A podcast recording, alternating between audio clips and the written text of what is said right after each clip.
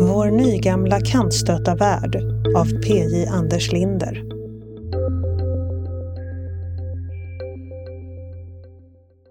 Efter pandemin kommer inget att vara sig likt.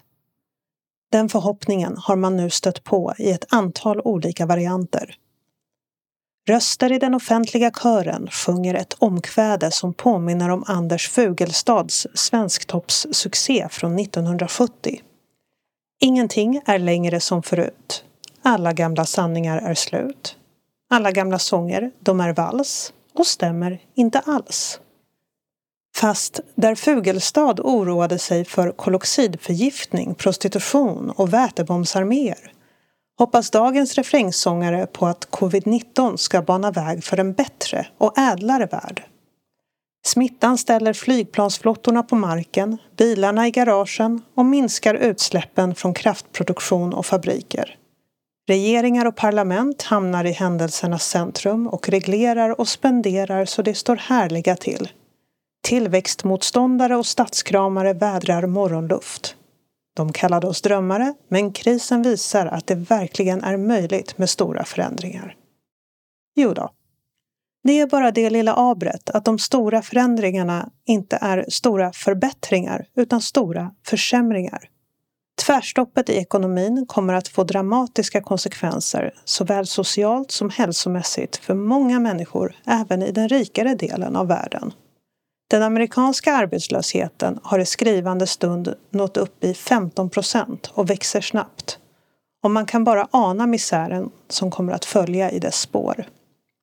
Södra Europa har redan prövats hårt och kommer att prövas än hårdare när notorna för pandemin ska betalas. You've ain't seen nothing yet. I fattigare länder innebär det livsfara redan på kort sikt att handel och utbyte upphör. Daglönare utan buffertar drabbas ögonblickligen när samhällen stänger och kunder och uppdragsgivare försvinner. Hur ska de betala sin mat? Mängder av anställda förlorar jobbet, remittenserna från anhöriga ebbar ut. Att ingenting är längre som förut väcker inte spänd förväntan utan förtvivlan och skräck. De som gör sig föreställningar om krisen som en möjligheternas moder tar sällan med krisens offer i kalkylerna. Det är angeläget för framtiden att mänskligheten bränner långt mindre av olja och kol och det finns områden där statsmakten behöver agera med större skärpa och pondus än förut. Men tesen att det är nolltillväxt och politisering som våra samhällen behöver håller inte på att bekräftas i detta nu. Den håller på att vederläggas i grunden. Men Himalaya då? Att människor i norra Indien kan se bergen från långa avstånd för första gången på åratal. Är inte det fantastiskt? Jo, men sannolikhet i mindre grad för de som just förlorat sin utkomst och gett sig av till fots mot oklara öden i hemtrakterna som de en gång lämnat. Inte ens naturen blir någon entydig vinnare.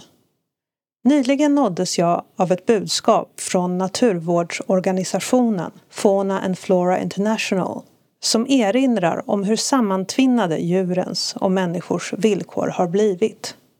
Perspektivet har inte kommit fram så värst väl i svensk rapportering, varför jag återger några rader. Vi har redan sett den illegala handeln med afrikanska elefantdelar stiga till industriella nivåer. Vi har redan nått punkten där tjuvjägare skjuter med maskingevär från helikoptrar ner i jordarna vi slet redan med att försäkra oss om nog med skydd, nog med finansiering och nog med stöd för att bekämpa det. Världen höll redan på att få slut på elefanter att skydda. Men det blev just värre eftersom vi just har förlorat ett av de mest kraftfulla verktygen i vårt bälte. Turismen har finansierat så mycket av Afrikas naturskydd den bidrar med miljarder till kontinenten varje år och sysselsätter miljoner människor. Ofta från några av de fattigaste områdena. Den betalar vakternas löner och ger potentiella tjuvjägare andra möjligheter. Den är ingen silverkula, men när den sköts på rätt sätt är den otvivelaktigt en kraft för det goda. Nu har den försvunnit, helt och hållet, mer eller mindre över en natt. Färre flyg innebär minskade utsläpp. och färre elefanter. Det duger inte att kräva väldiga förändringar utan att ta in hela bilden. Förhoppningarna om en annorlunda värld i krisens spår kommer till uttryck även på ett mer vardagligt plan i den svenska inrikespolitiken. Äntligen ska gamla hederliga höger-vänster-frågor som skatter, socialförsäkringar och arbetsmarknad återta sin rättmätiga plats i strålkastarljuset och de senaste årens fokus på integrationsproblem och brottslighet mattas av. Särskilt socialdemokrater, men även moderater gnuggar händerna vid tanken. Ingenting är som att få kivas hemma på mammas gata. Jag tror de tar ut glädjen i förskott. Naturligtvis kommer mycket att handla om ekonomi och offentlig sektor. Hur ska staten få kontroll över utgifterna när verksamheter över hela samhällets bredd ropar på stöd och resurser? Ska skatterna höjas eller vore det tvärtom att skada företagens återhämtning och urholka hushållens köpkraft? Hur ska sjukvården komma ikapp? Hur ska äldreomsorgen reformeras till det bättre? Färdriktningen är, i motsats till vad många tycks tro, inte given. Brister i omsorgen talar för större offentliga satsningar. Brister i beredskapen talar för att offentligt ansvar knappast är någon mirakelkur. Regeringen har plockat förtroendepoäng under krisens akuta skede. Men när hanteringen ska utvärderas kan det bli oppositionen som drar det längsta strået. Politiken blir ny. Och sig lik. Och den kommer inte undan vare sig integration eller brottslighet. Till dessa frågor är sedan länge marginella endast i vissa politikers och opinionsbildares fantasier. För medborgarna förblir de centrala i alla fall så länge verkligheten ser ut som den gör. Att det har skrivits mindre om gängvåld under pandemin beror inte på plötslig pacifism hos den organiserade brottsligheten. Tvärtom har skjutningar och sprängningar snarare ökat än minskat i år jämfört med i fjol. När smittospridningen så småningom klingar av kommer krevaderna att höras allt tydligare och ta allt större plats på den gemensamma dagordningen. På motsvarande sätt finns ingen möjlighet att ducka integrationen. Allra helst som den är intimt sammanbunden med den heta höger-vänster-frågan arbetsmarknaden. I en lika distinkt som klargörande studie När blir utrikes födda självförsörjande? publicerad av Entreprenörskapsforum och skriven av Johan Eklund och Johan P Larsson visar författarna att det traditionella sysselsättningsmåttet grovt överskattar invandrares anknytning till arbetsmarknaden. Det tar i själva verket 12 till 13 år för hälften att nå upp till den beskedliga inkomstnivån 12 600 kronor i månaden efter skatt. År 2016 var drygt 600 000 utrikesfödda i arbetsför ålder inte självförsörjande.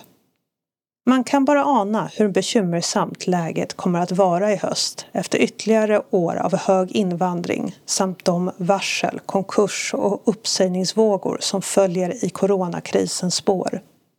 Risken är överhängande för ökat utanförskap och stigande sociala spänningar och även om regering och riksdag sätter in betydligt mer ambitiösa utbildnings och näringspolitiska åtgärder än hittills ska man ha rimliga förväntningar på vad dessa kan uppnå. Att ge samhället och staten andrum och rådrum genom en migrationspolitik som är vitt skild från dagens ter sig för mig som en självklarhet. Men att hoppas på enighet om saken lär visa sig lika fåfängt som att hoppas på den förlösande smärtfria krisen. Vår nya sköna värld lär visa sig minst lika kantstött som den gamla.